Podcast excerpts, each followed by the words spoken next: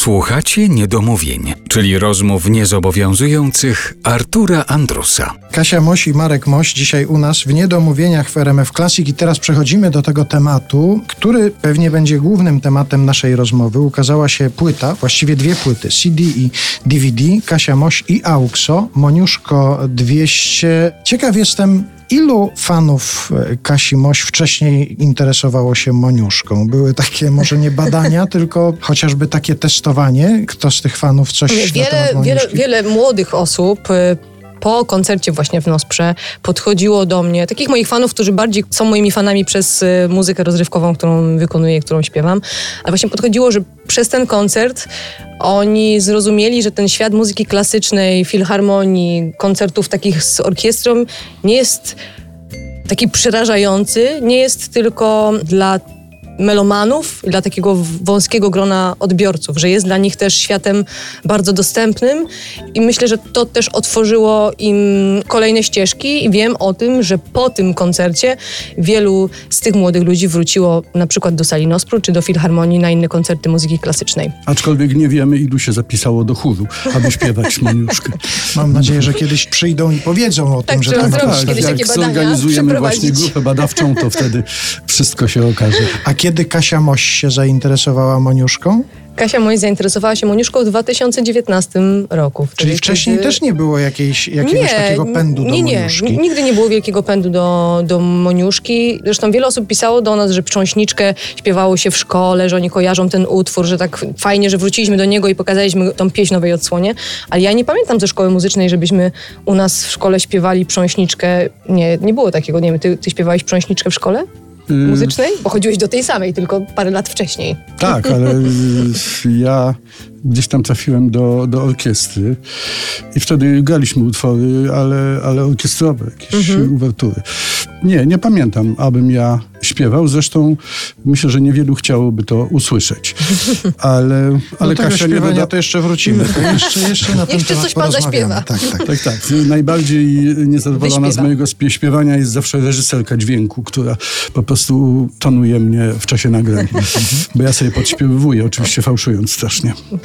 No dobrze, ale wracając do mm, Stanisława Moniuszki, to kto do kogo przyszedł z takim pomysłem. To była dwusetna rocznica, tak. 200 lat od e, dnia urodzin Stanisława Moniuszki mhm. i ktoś musiał rzucić takie hasło. No to Moniuszko przyszedł do Kasi. Rozumiem. Weź się. Weź nie. Tak. To było wielkie objawienie. Nie, tak szczerze powiedziawszy to na studiach, jak kiedyś tobie mówiłam o tym, że marzyłby mi się taki projekt, aby utwory klasycznego kompozytora przenieść na świat muzyki współczesnej, e, na świat piosenek. Mhm. I chyba ty to zapamiętałeś i w 2019 roku tat powiedział, że jest rok Moniuszkowski i może spróbowalibyśmy z Mateuszem Mosiem, z Mateuszem Kołakowskim przenieść pieśni Moniuszki na nasz współczesny język. I tak też e, się stało, że to ty wypożyczyłeś nuty, bo poprosiliśmy cię z Akademii Muzycznej te 200, jest... ponad 268 pieśni, które zserowaliśmy i zaczęło się wertowanie kartek e, w Bytomiu, w mieszkaniu mojego brata, wybierając te 11 pieśni, które znalazło się na koncercie, a teraz na płycie.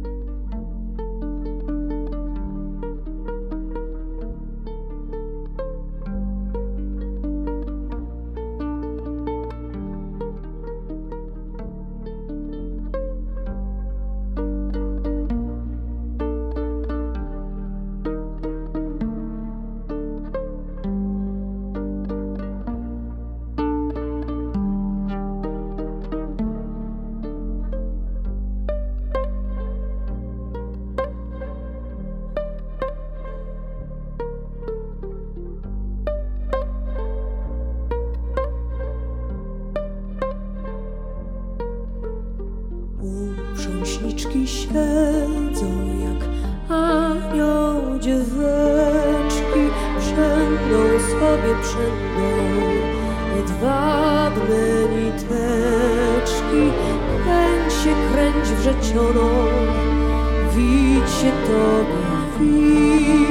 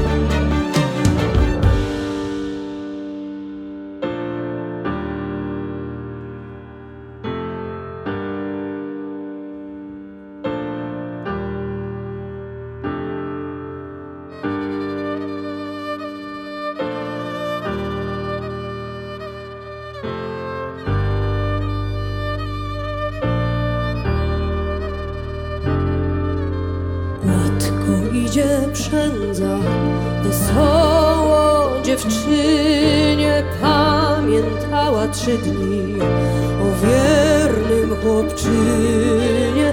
Kręć się, kręć rzeciono, widź się tobie, widź, ta lepiej.